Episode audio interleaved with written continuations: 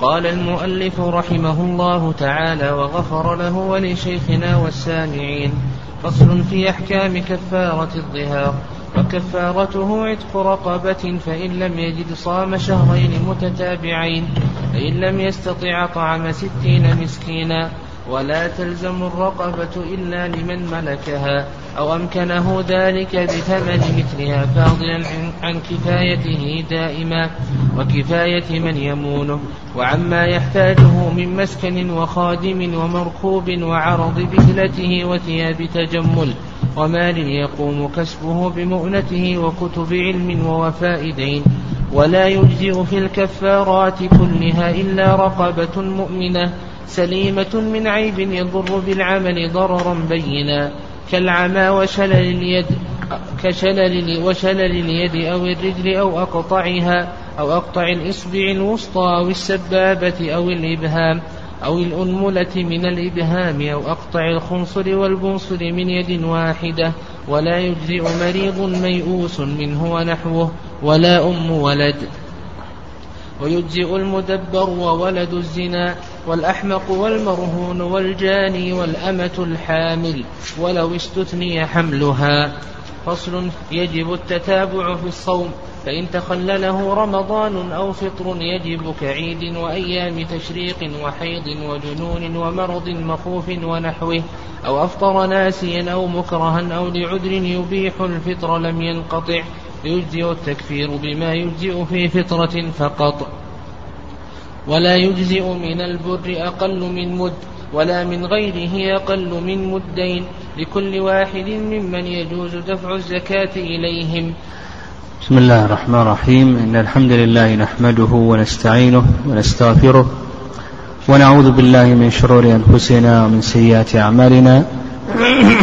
من يهده الله فلا مضل له ومن يضلل فلا هادي له وأشهد أن لا إله إلا الله وحده لا شريك له وأشهد أن محمدا عبده ورسوله. اللهم صل وسلم وبارك على نبينا محمد وعلى آله وأصحابه ومن تبعهم بإحسان يوم الدين. وبعد تقدم لنا جملة من أحكام الظهار وذكرنا من هذه الأحكام ما يتعلق بتشبيه الزوج زوجته بمن تحرم عليه. وأن ذلك ينقسم إلى أقسام عدة ومن ذلك قول الزوج لزوجته أنت علي حرام. وذكرنا كلام أهل العلم رحمهم الله تعالى في هذه المسألة وأن الأقرب في هذه المسألة أن هذا لا يخلو من أمرين. الأمر الأول أن يقصد اليمين فهذه يمين فيها الكفارة إذا قصد الحث أو المنع أو التصديق أو التكذيب إلى آخره. الأمر الثاني أن يقصد مجرد التحريم. فهذه ذكرنا فيها أقوال أهل العلم رحمهم الله تعالى وترجح لنا أن فيها كفارة يمين إلا إن والطلاق لورود ذلك عن الصحابة رضي الله تعالى عنهم إذ إن ذلك كناية عن الطلاق.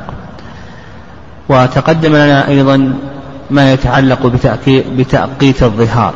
وتعليق الظهار وأن ذلك كله صحيح.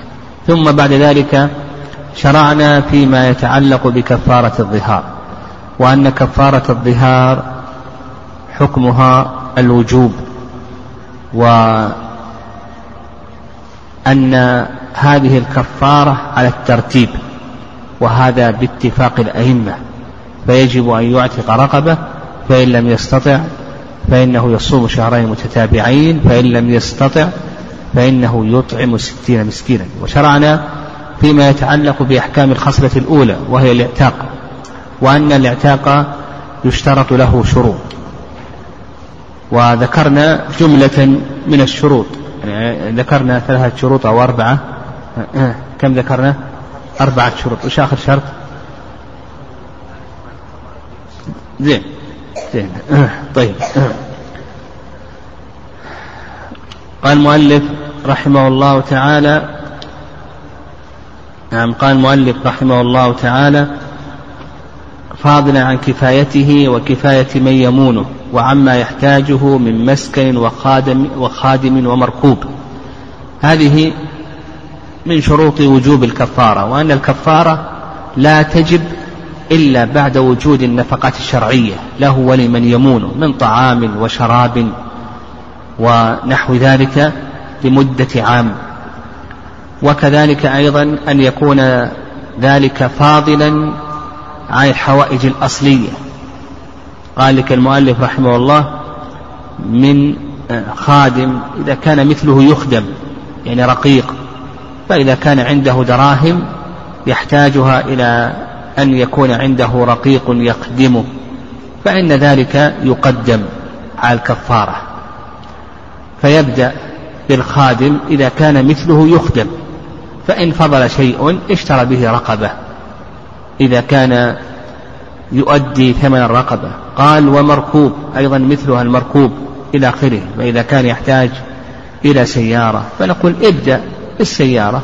فإن فضل شيء اشتر به رقبة قال وعرض بذل بذلته وثياب تجمل. أيضا الثياب سواء كانت الثياب التي تبتذل ودائما تلبس أو الثياب التي تلبس للتجمل كأن يتجمل بها لصلاة العيد أو لصلاة الجمعة ونحو ذلك.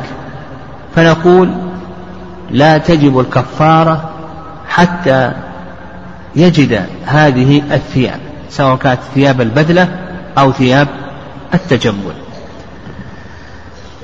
قال ومال يقوم كسبه بمؤونته وكتب علم ووفاء دين. هذا الشرط كم؟ الخامس. نعم يعني هذا الشرط الخامس. أن يكون ذلك بعد وجود المال الذي يقوم بمؤونته. فمثلا إذا كان عنده خمسون ألف ريال وهذه الخمسون يحتاجها لكي يفتح بها محلا تجاريا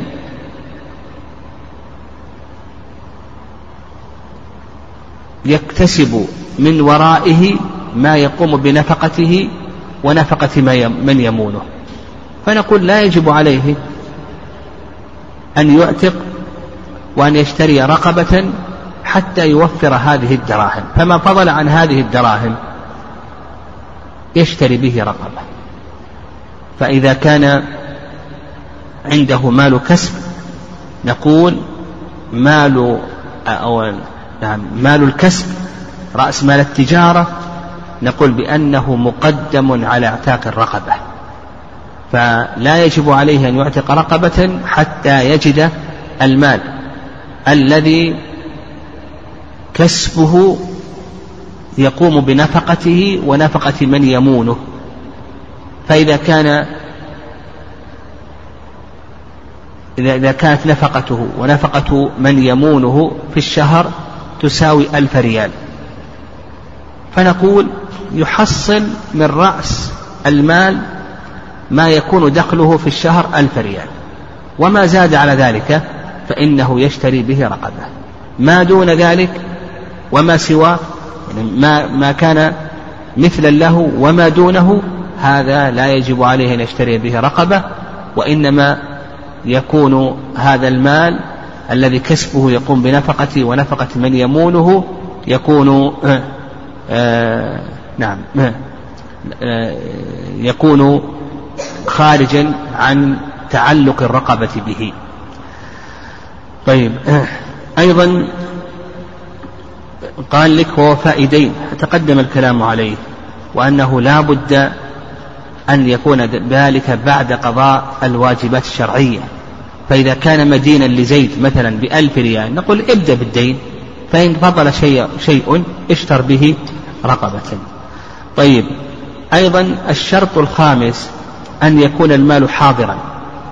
فإن كان المال غائبا أو كان دينا فاختلف العلماء رحمهم الله. هل يجب عليه أن يكفر بالإعتاق أو نقول لا يجب عليه أن يكفر بالإعتاق, بالإعتاق.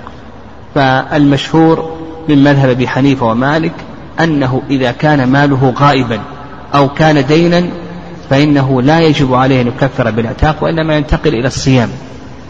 قالوا لأنه غير مستطيع. والرأي الثاني رأي الشافعية والحنابلة أنه يجب عليه أن يكفر بالإعتاق. لأن من له دين أو مال غائب فهو مستطيع. وهذا القول هو الصواب في هذه المسألة. قال المؤلف ولا يجزئ في الكفارات كلها إلا رقبة سليمة من عيب يضر بالعمل ضررا بينا. ما تقدم من الشروط هي شروط وجوب الكفارة. بمعنى إذا توفرت الشروط السابقة فإنه يجب عليه أن يكفر بالإعتاق. إذا اختل شرط من تلكم الشروط فإنه لا يجب عليه أن يكفر بالإعتاق وإنما ينتقي التكفير بالصيام. وهذه الشروط التي شرع المؤلف رحمه الله تعالى في بيانها هي شروط صحة الاعتاق. الآن توفرت شروط الوجوب ووجب عليه أن يعتق. هذا الاعتاق لا بد له من شروط صحة. فقال لك المؤلف رحمه الله الشرط الأول من شروط صحة الاعتاق أن تكون الرقبة المعتقة مؤمنة. وهذا قول جمهور العلماء وعلى هذا لا يصح أن يعتق كافرة ويدل لذلك أن الله سبحانه وتعالى قال في كفارة القتل فتحرير رقبة مؤمنة وقال في كفارة الظهار فتحرير رقبة أطلق والعلماء رحمهم الله يقولون إذا اتحد الحكم واختلف السبب فإنه يقيد المطلق بالمقيد. هنا الحكم اتحد. ما هو الحكم؟ الحكم هو اعتاق رقبة في كفارة والسبب اختلف قتل وظهار. فإذا اتحد الحكم واختلف السبب يحمل المطلق على المقيد. وأيضا مما يدل ذلك حديث معاذ الحكم رضي الله تعالى عنه وأنه أتى النبي صلى الله عليه وسلم بجارية له يريد أن يعتقها آه، في الرقبة التي كانت عليه. فقال لها النبي صلى الله عليه وسلم أين الله؟ قالت في السماء. قال من أنا؟ قالت رسول الله. قال أعتقها فإنها مؤمنة. وهو مسلم في صحيحه. وهذا كما ذكرنا هو رأي جمهور أهل العلم خلاف الحنفية فإن الحنفية لا يرون أن تكون الرقبة المعتقة مؤمنة ويصح اعتاق الذمية والصواب في ذلك الصواب في ذلك وما عليه جمهور أهل العلم رحمهم الله تعالى. قال المؤلف رحمه الله تعالى سليمة من عيب يضر بالعمل ضررا بينا. هذا الشرط الثاني الشرط الثاني أن تكون سليمة من العيوب التي تضر بالعمل ضررا بينا. وعلى هذا نقول بأن العيوب لا تخلو من أمرين. الأمر الأول عيوب لا تضر بالعمل. فهذه لا تؤثر في صحة إعتاق تلك الرقبة. كما لو كان عنده عرج يسير إلى آخره أو كان عنده قصر في النظر ونحو ذلك إلى آخره. فهذه عيوب لا تضر بالعمل ضرر بينا وسيذكر المؤلف رحمه الله شيئا من الأمثلة على ذلك. القسم الثاني أن تكون العيوب مضرة بالعمل ضررا بينا. وسيضرب المؤلف رحمه الله جملة من العيوب. فأكثر أهل العلم نعم أكثر أهل العلم أنه يشترط أن تكون الرقبة المعتقة سليمة من العيوب المضرة بالعمل ضررا بين هذا ما عليه أكثر أهل العلم. واستدلوا على ذلك نعم استدلوا على ذلك بأن الله سبحانه وتعالى قال فتحوا رقبة. والإطلاق يقتضي السلامة. الإطلاق يقتضي السلامة. والرأي الثاني رأي الظاهرية وأن هذا ليس شرطا وأنه يجزئ اعتاق المعيبة يعني يجزئ اعتاق المعيبة. والذي يظهر والله أعلم يعني ما الذي يظهر والله أعلم؟ أن المعيبة أنه يجزئ اعتاقها إلا إذا كان العيب يؤثر في هذه الرقبة بحيث يكون وجودها كعدمها. مثلا لو كانت الرقبة مريضة مرضا ميؤوسا منه. كرقبة مثلا مريضة بمرض يخاف عليه على صاحبها من من الموت ونحو ذلك. فنقول هذه وجودها كعدمها. نعم هذه وجودها كعدمها. فالذي يظهر والله أعلم أنه إذا كان العيب في الرقبة بحيث يكون وجود الرقبة كعدمها نقول بأنها لا تجزي. قال المؤلف رحمه الله كالعمى.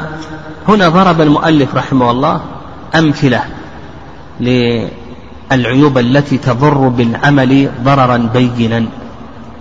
قال لك كالعمى وهذا كان في الزمن السابق.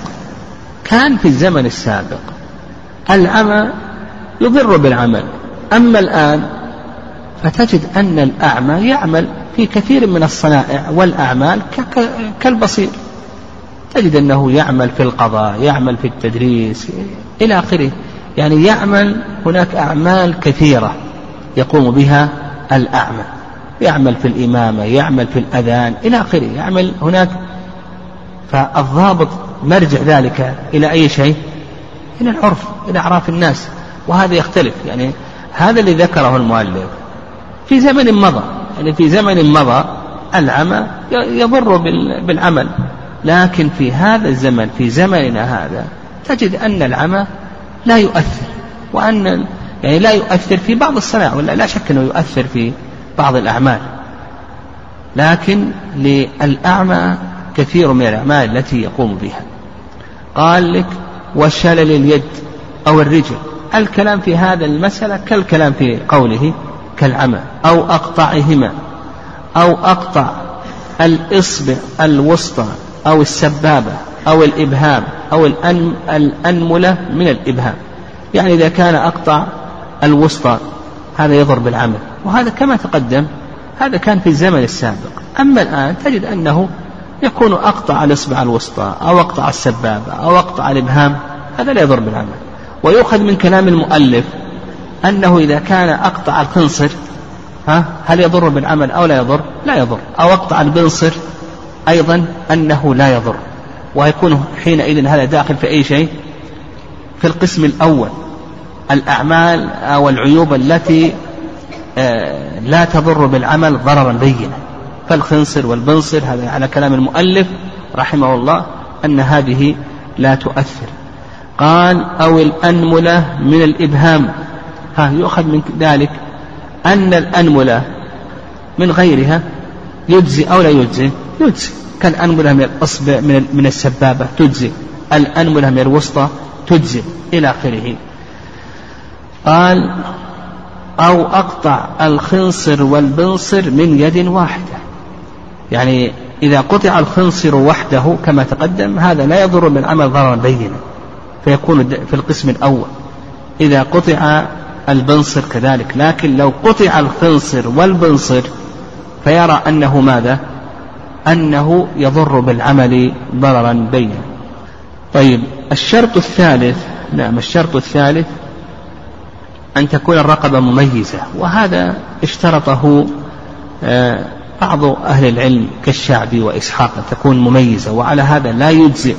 إخراج الرقبة غير المميزة وعند جمهور أهل العلم أن هذا ليس شرطا وأنه يجزئ إخراج الرقبة المميزة وغير المميزة.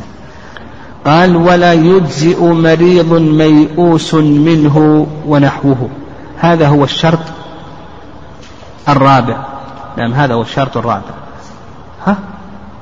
سابع؟ كيف السابع؟ شروط صحة أعتاق الرقبة. قلنا أن تكون مؤمنة وأن تكون مميزة وألا تكون معيبة عيبا يضر بالعمل ضررا بين الشرط الرابع شرط الرابع ألا يكون مريضا ميؤوسا منه. هذا صحيح الشرط. نعم هذا الشرط صحيح. فمثلا إذا مرض بمرض ييأس من صاحبه كما وهذا كما ذكرنا أنه يختلف باختلاف الزمان واختلاف المكان. الآن عندنا بعض الأمراض إذا أصابت الشخص فإن مرضه يكون مخوفا يعني يخشى عليه من الهلاك. فهذا لا يجزئ اعتاقه والله أعلم كما ذكر المؤلف رحمه الله. قال ونحوه نعم ونحوه مثل الزمن والمقعد إلى آخره. وهذا أيضا كان كما كان في, في الزمن السابق. المقعد كان في الزمن السابق ربما أنه لا يعمل. لكن في هذا الزمان قد يعمل معتق المقعد قد يعمل الذي في شلل الرجلين يعني قد يعمل إلى آخره قد يعلم قد يكتب في الحاسب قد يكون موظفا إلى آخره. هناك كثير من الأعمال يقوم بها هذا المقعد إلى آخره. قال ولا أم ولد. هذا الشرط الخامس. يعني الشرط الخامس أن تكون المعتقة كاملة الرق أن تكون الرقبة المعتقة كاملة الرق. وعلى هذا اختلف العلماء رحمهم الله في ثلاثة أصناف اختلفوا فيها. هل يجزئ إعتاقها أو لا يجزئ إعتاقها؟ وهي أم الولد والمدبر وكذلك أيضا المكاتب. لأن هؤلاء أم الولد والمدبر والمكاتب هل هم كامل الرق أو ليسوا كامل الرق؟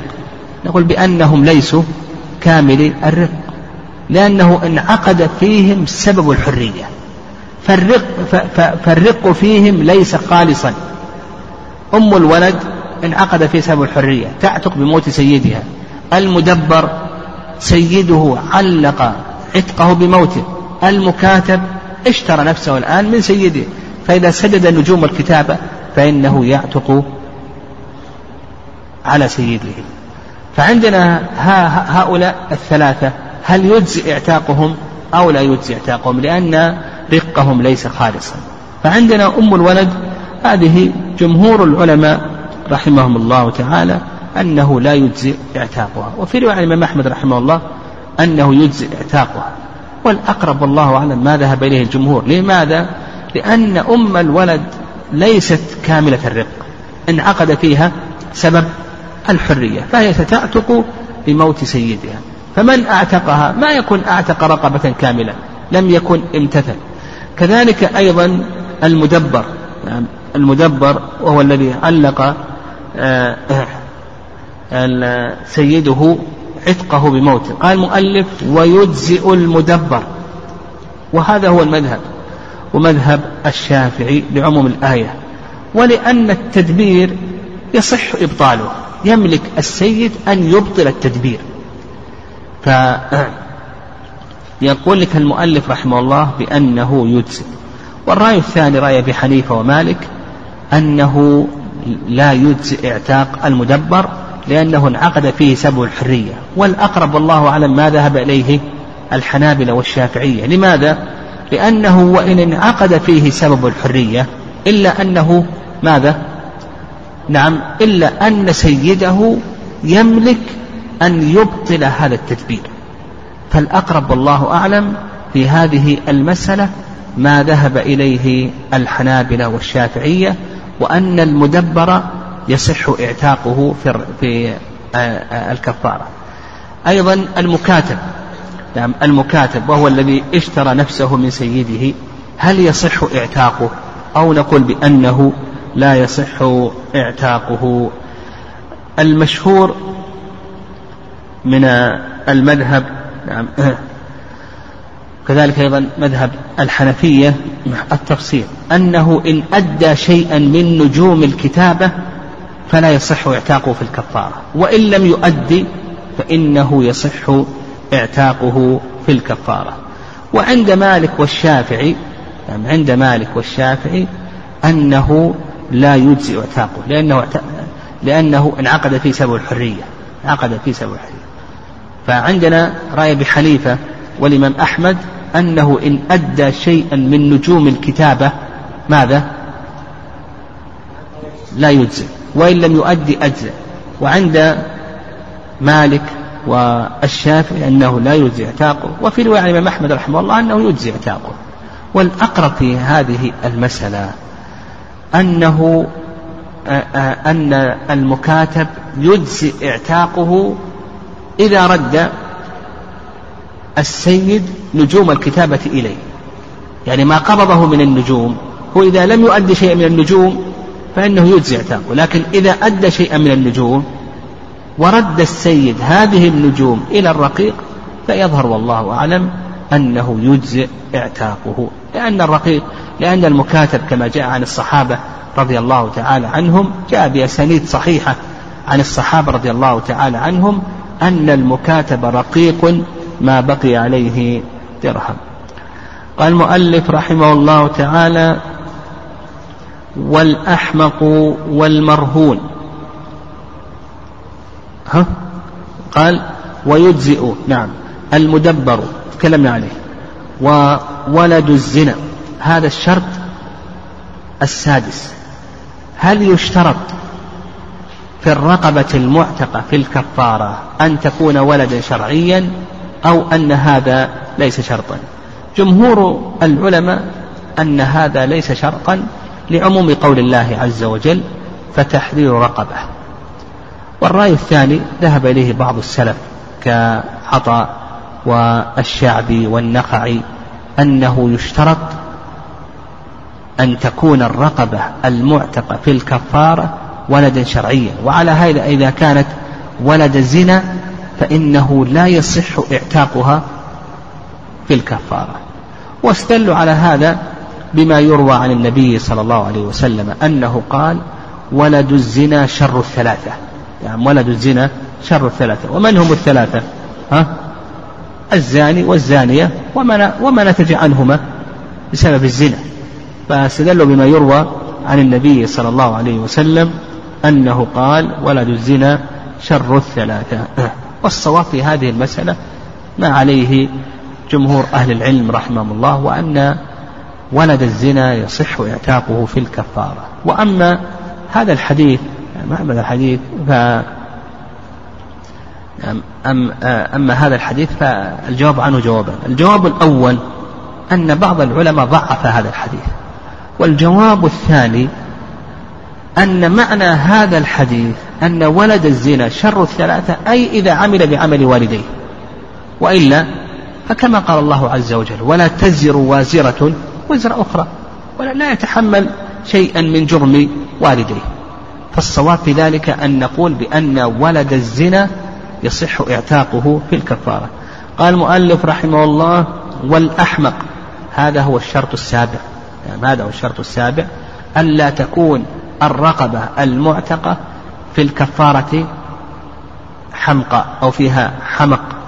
حمق قلة العقل. نعم قلة العقل لأن هذا يمنعها من العمل. يعني هذا يمنعها من العمل. وهذا الكلام كما تقدم تقدم الكلام عليه على هذه المسألة. يعني تقدم الكلام على هذه المسألة. قال المؤلف رحمه الله تعالى والمرهون والمرهون. هذا الشرط الثامن.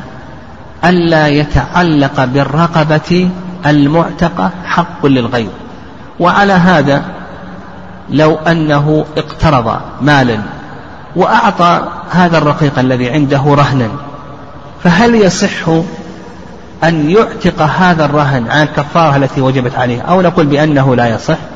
يقول المؤلف رحمه الله بأنه لا يصح. لماذا؟ لأن ذلك يؤدي إلى إبطال حق الغير من الوثيقة. فعندنا المرهون. عندنا المرهون يعني صورة ذلك الرقبة إذا كانت مرهونة.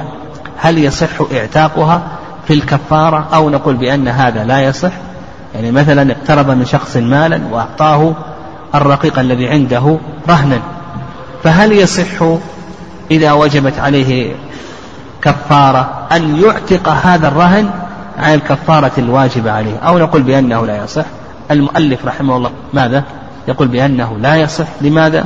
العلة العلة في ذلك أن هذا يؤدي إلى إبطال حق الغير من الوثيقة. قال المؤلف رحمه الله تعالى نعم ويجزئ المدبر وولد الزنا والأحرق والمرهون. المؤلف رحمه الله تعالى نعم يرى أنه يجزي اعتاق المرهون. نعم يرى أنه يجزي إعتاق المرهون قلنا الصواب في هذا في هذه المسألة أنه لا يجزي إعتاق المرهون.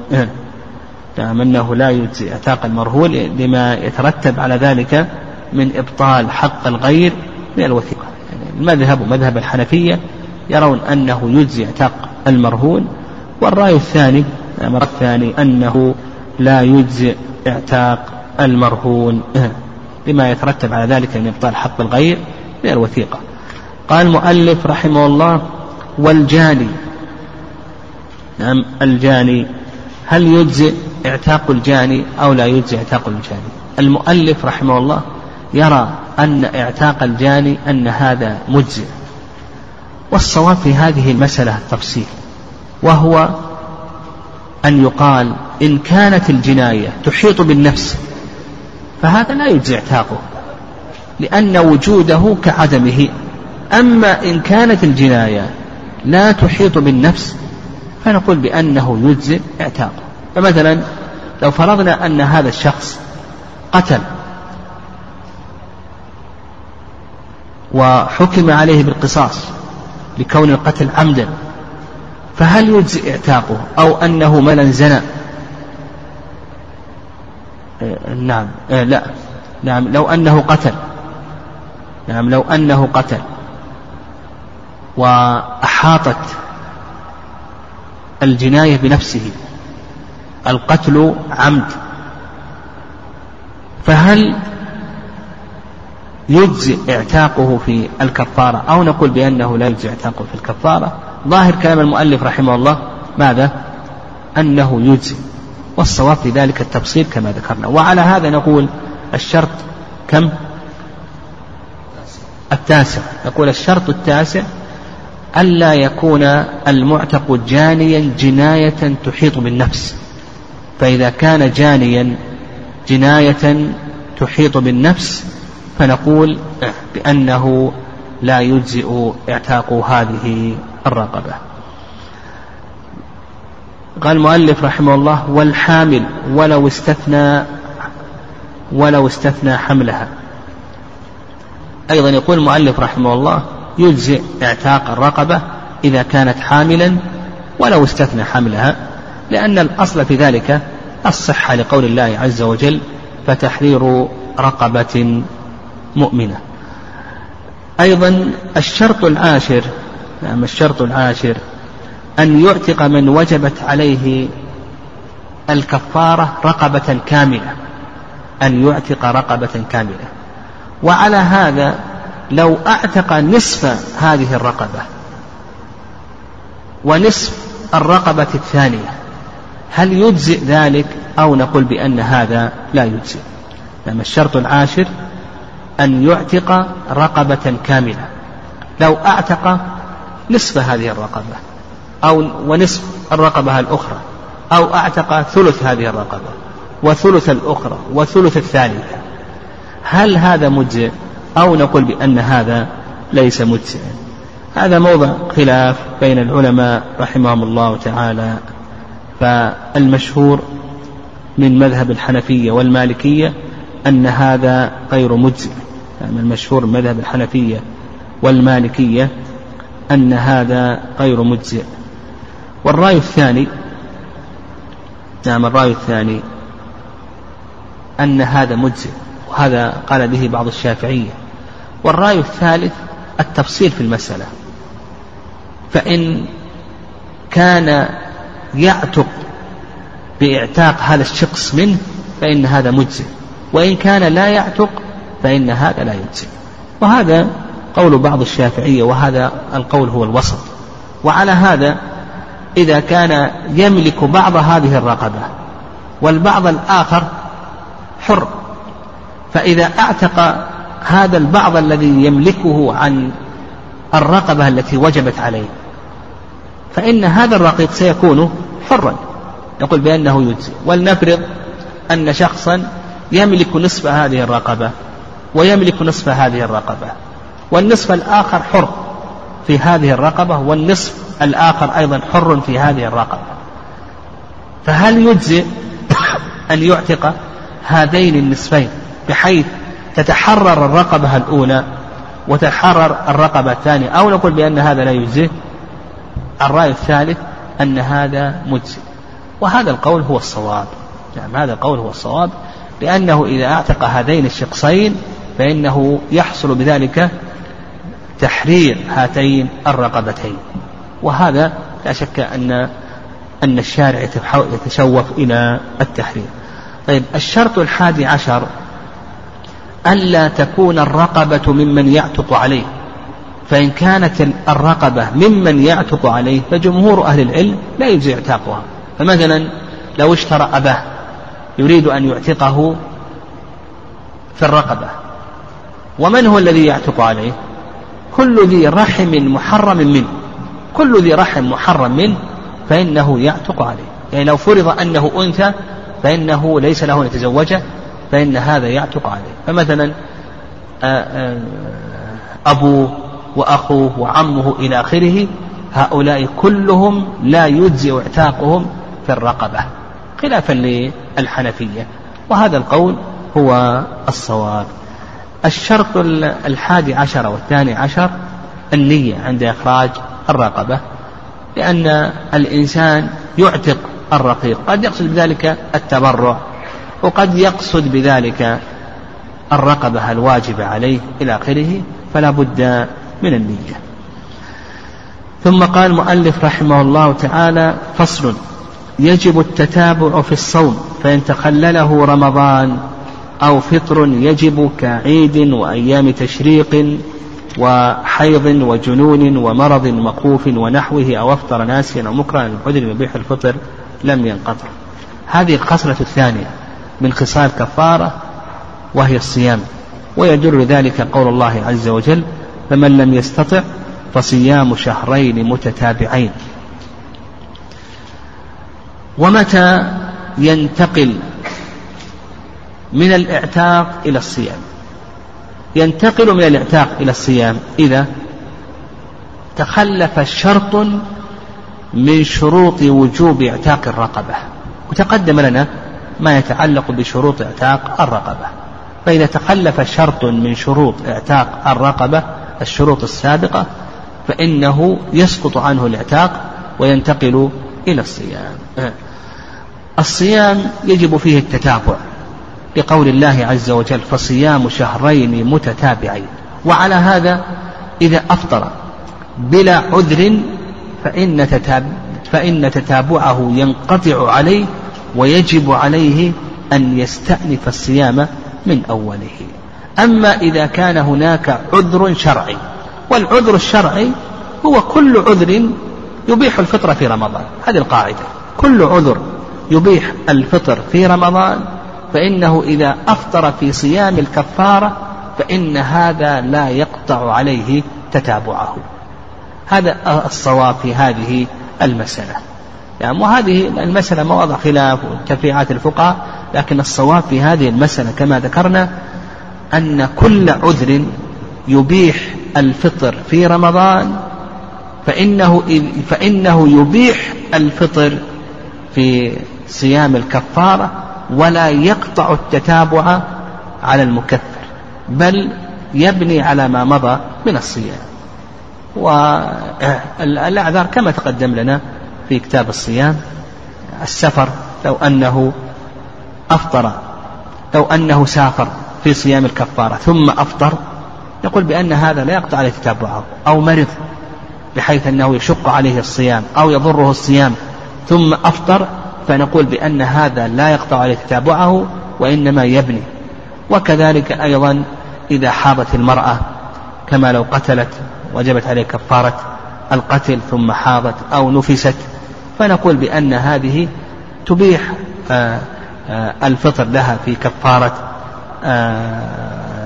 القتل إلى آخره ولا يقطع ذلك عليها التتابع بل يجب عليها أن تفطر ولا يقطع عليها التتابع وتبني.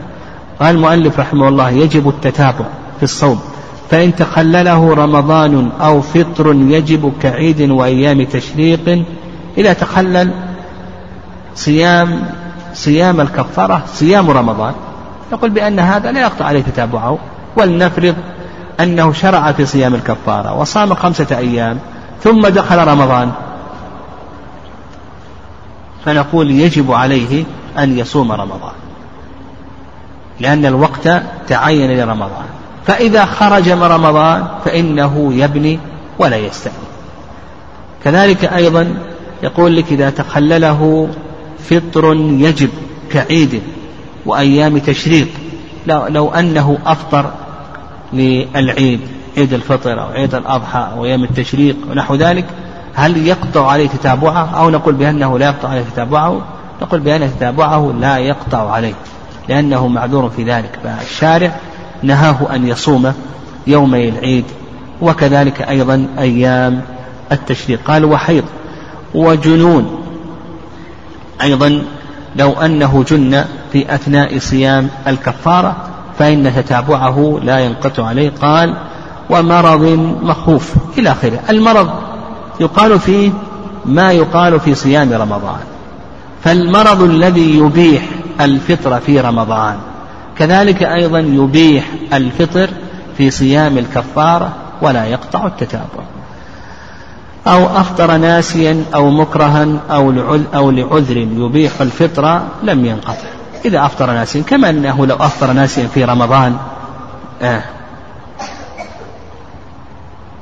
لا يفسد عليه صيامه. كذلك أيضا لو أفطر ناسيا في صيام الكفارة فإن صيامه لا يفسد عليه. كذلك أيضا لو أكره على أن يأكل في رمضان فإن صيامه لا يفسد عليه. كذلك أيضا لو أكره في صيام الكفارة نقول بأن صيامه لا يفسد عليه. قال المؤلف رحمه الله تعالى لم ينقطع. قال ويجزئ التكفير بما يجزئ في فطرة فقط. هذا ما يتعلق بالخصلة الثانية وهي الصيام. كما تقدم لنا أن الصيام يجب فيه التتابع وأنه يجب عليه أن يصوم شهرين متتابعين. وإذا صام شهرين متتابعين هو بالخيار إما أن يصوم بالهلال. يعني إذا رأى الهلال من الهلال إلى الهلال. فإن لم يصم بالهلال فإنه يصوم بأي شيء؟ بالعدد. يعني إكمال العدة. إما أن يصوم بالهلال يعني إذا رأى الهلال شرع في الصيام إلى أن يرى الهلال الثالث ثم ذلك ينتهي صيامه. إن صام بالعدد يعني صام من أثناء الشهر ولم يعتبر الهلال فإنه يصوم بالعدد.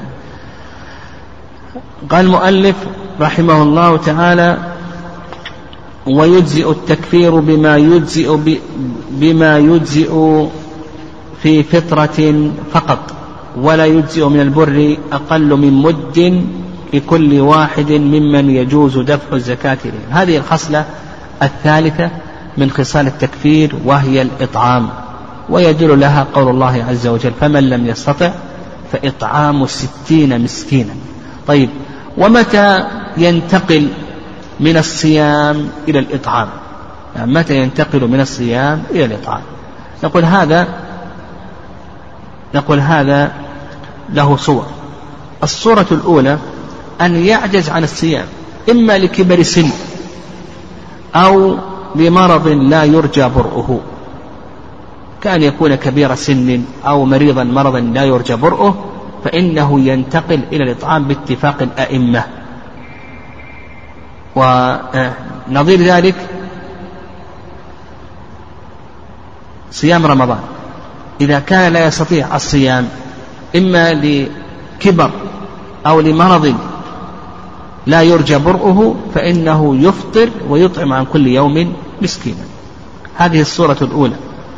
الصورة الثانية أن يعجز عن الصيام لمرض يزول نعم لمرض يرجى برؤه.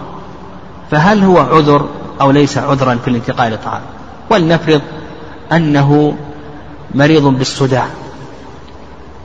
فهل والصداع هذا يرجى زواله؟ نعم يرجى زواله. هو, هو الآن يشق عليه أن يصوم. لكن هذا المرض يرجى زواله. فهل له أن ينتقل إلى الإطعام أو نقول بأنه ليس له أن ينتقل إلى الإطعام؟ نقول جمهور العلماء على أنه ليس له أن ينتقل إلى الإطعام لكونه مستطيعا. فإذا كان عذره يرجى زواله نقول بأنه ليس له أن ينتقل إلى الإطعام. الصورة الثالثة المشقة الشديدة. يعني وهذا ينص عليه الشافعية. يعني يقولون المشقة الشديدة وهذا ينص عليه الشافعية. والحنابلة يقولون إن كان به إن كان الصيام يضعفه عن طلب المعيشة. يعني إذا صام شهرين متتابعين ربما أنه يضعف عن طلب المعيشة لا يتمكن من طلب المعيشة. أو به شبق لا يستطيع أن يصبر عن أهله شهرين متتابعين لأن المظاهر لا يجوز له أن يطأ زوجته التي ظاهر منها حتى يكفر. نعم حتى يكفر. لقول الله عز وجل فصيام الشهرين المتتابعين من قبل أن يتماس. فإذا كان يلحق مشقة شديدة كما ذكر الشافعية والحنابلة قالوا إذا كان ذلك يضعفه عن طلب المعيشة.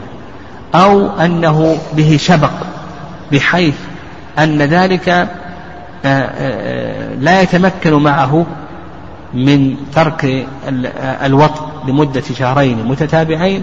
قالوا هنا ينتقل إلى الإطعام. طيب بالنسبة للإطعام فيه مسائل. من مسائله قال المؤلف رحمه الله ويجزئ التكفير بما يجزئ في فطرة. نعم. يعني جنس الطعام. ما هو جنس الطعام؟ قال لك المؤلف رحمه الله تعالى بأن جنس الطعام ما يخرج في زكاة الفطر. وما, وما هو الذي يخرج في زكاة الفطر؟ المذهب؟ لا المذهب يقول البر والشعير والتمر والزبيب والأقط. هذه الأشياء التي يخرجها. نعم التي يخرجها يقولون يجب عليه أن يخرج من البر والشعير والتمر والزبيب والأقط. هذه الأشياء الأصناف الخمسة هذه المشهور عند الحنابلة أنها تخرج في زكاة الفطر فكذلك أيضا تخرج في الكفارة. وكذلك أيضا الشافعية رحمهم الله تعالى يقولون الواجب في الكفارة كالواجب في زكاة الفطر نصف الصاع من بر أو دقيقه يعني الطحين. طحين البر نصف صاع من بر أو دقيقة أو سويقة أو صاع من تمر أو شعير أو دقيقه أو سويقة. يعني حنفية يقول نصف صاع من بر أو دقيق البر أو سويقة أو صاع من تمر أو شعير أو دقيقه أو سويقة. والرأي الثالث في هذه المسألة وما ذهب إليه شيخ الإسلام تيمية رحمه الله وأن جنس الطعام في الكفارة ليس مقدرا في الشرع وإنما هو مقدر في أي شيء؟ في العرف. الله عز وجل أطلق. وما جاء مطلقا على لسان الشارع فإنه يرجع في تحديده العرف. فكفارته إطعام عشرة مساكين فإطعام ستين مسكينا. لم يحدد الله عز وجل جنس الطعام. فالصواب في ذلك أنه يرجع إلى عرف البلد. فيخرج من غالب ما يأكل أهله. لقول الله عز وجل فكفارته إطعام عشرة مساكين من أوسط ما تطعمون أهليكم. فإذا كان يطعم أهله من الرز أطعمهم من الرز. وإذا كان يطعمهم من البر أطعمهم من البر. وإن كان من اللحم أطعمهم من اللحم. وإن كان من السمك أطعمهم من السمك وإلى آخره. المهم أن ذلك يرجع إلى العرف. قال المؤلف ولا يجزئ من البر أقل من مد ولا من غيره أقل من مدين لكل واحد ممن يجوز دفع الزكاة إليه. هذه المسألة الثانية في الإطعام وهي قدر الطعام. هل الطعام مقدر أو ليس مقدرا؟ قال لك المؤلف رحمه الله بأنه مقدر في الشرع. قال لك من البر مد. يعني مد بر أو نصف صاع. من ماذا؟ من تمر أو شعير أو أقط أو زبيب. لأنهم يرون أن جنس الطعام هو ما يجزئ في الفطرة. فيقولون مد بر أو نصف صاع من غيره. الغير هنا ماذا؟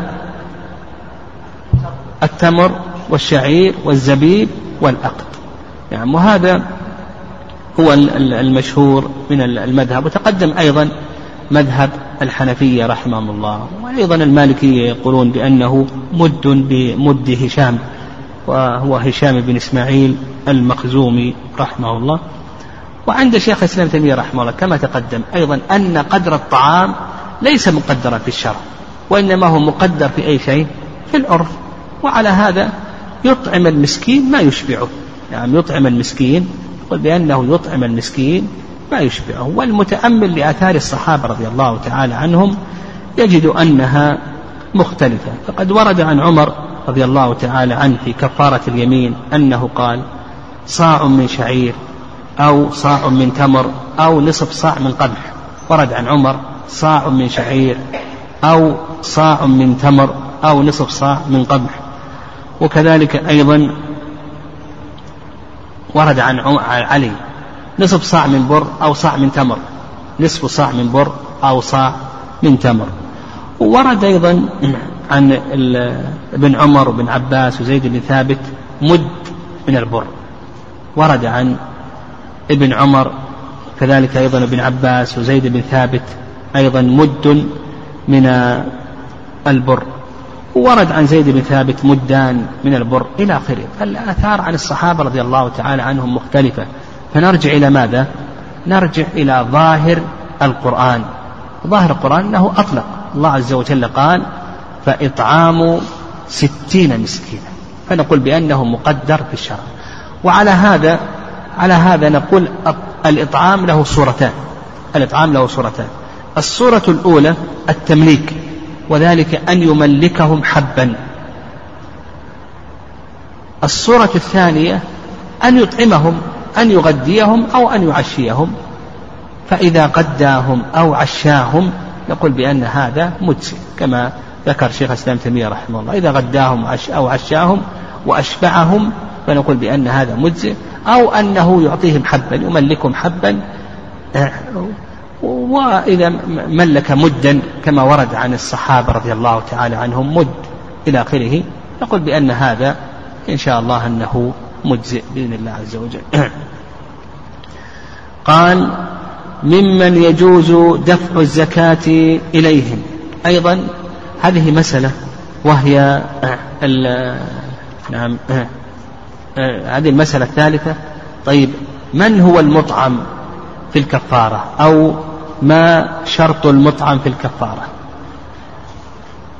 المؤلف رحمه الله ذكر ضابطا قال لك الذي تدفع إليه الكفارة هو الذي تدفع إليه الزكاة. هذا الضابط الذي ذكره المؤلف رحمه الله تعالى. وعلى هذا نقول بأنه يشترط في المطعم في الكفارة شروط. الشرط الأول الإسلام وهذا قول جمهور العلماء خلاف الحنفية. فالحنفية يقول يجزي أن تدفع إلى فقراء أهل الذمة والصواب في ذلك ما ذهب إليه جمهور أهل العلم.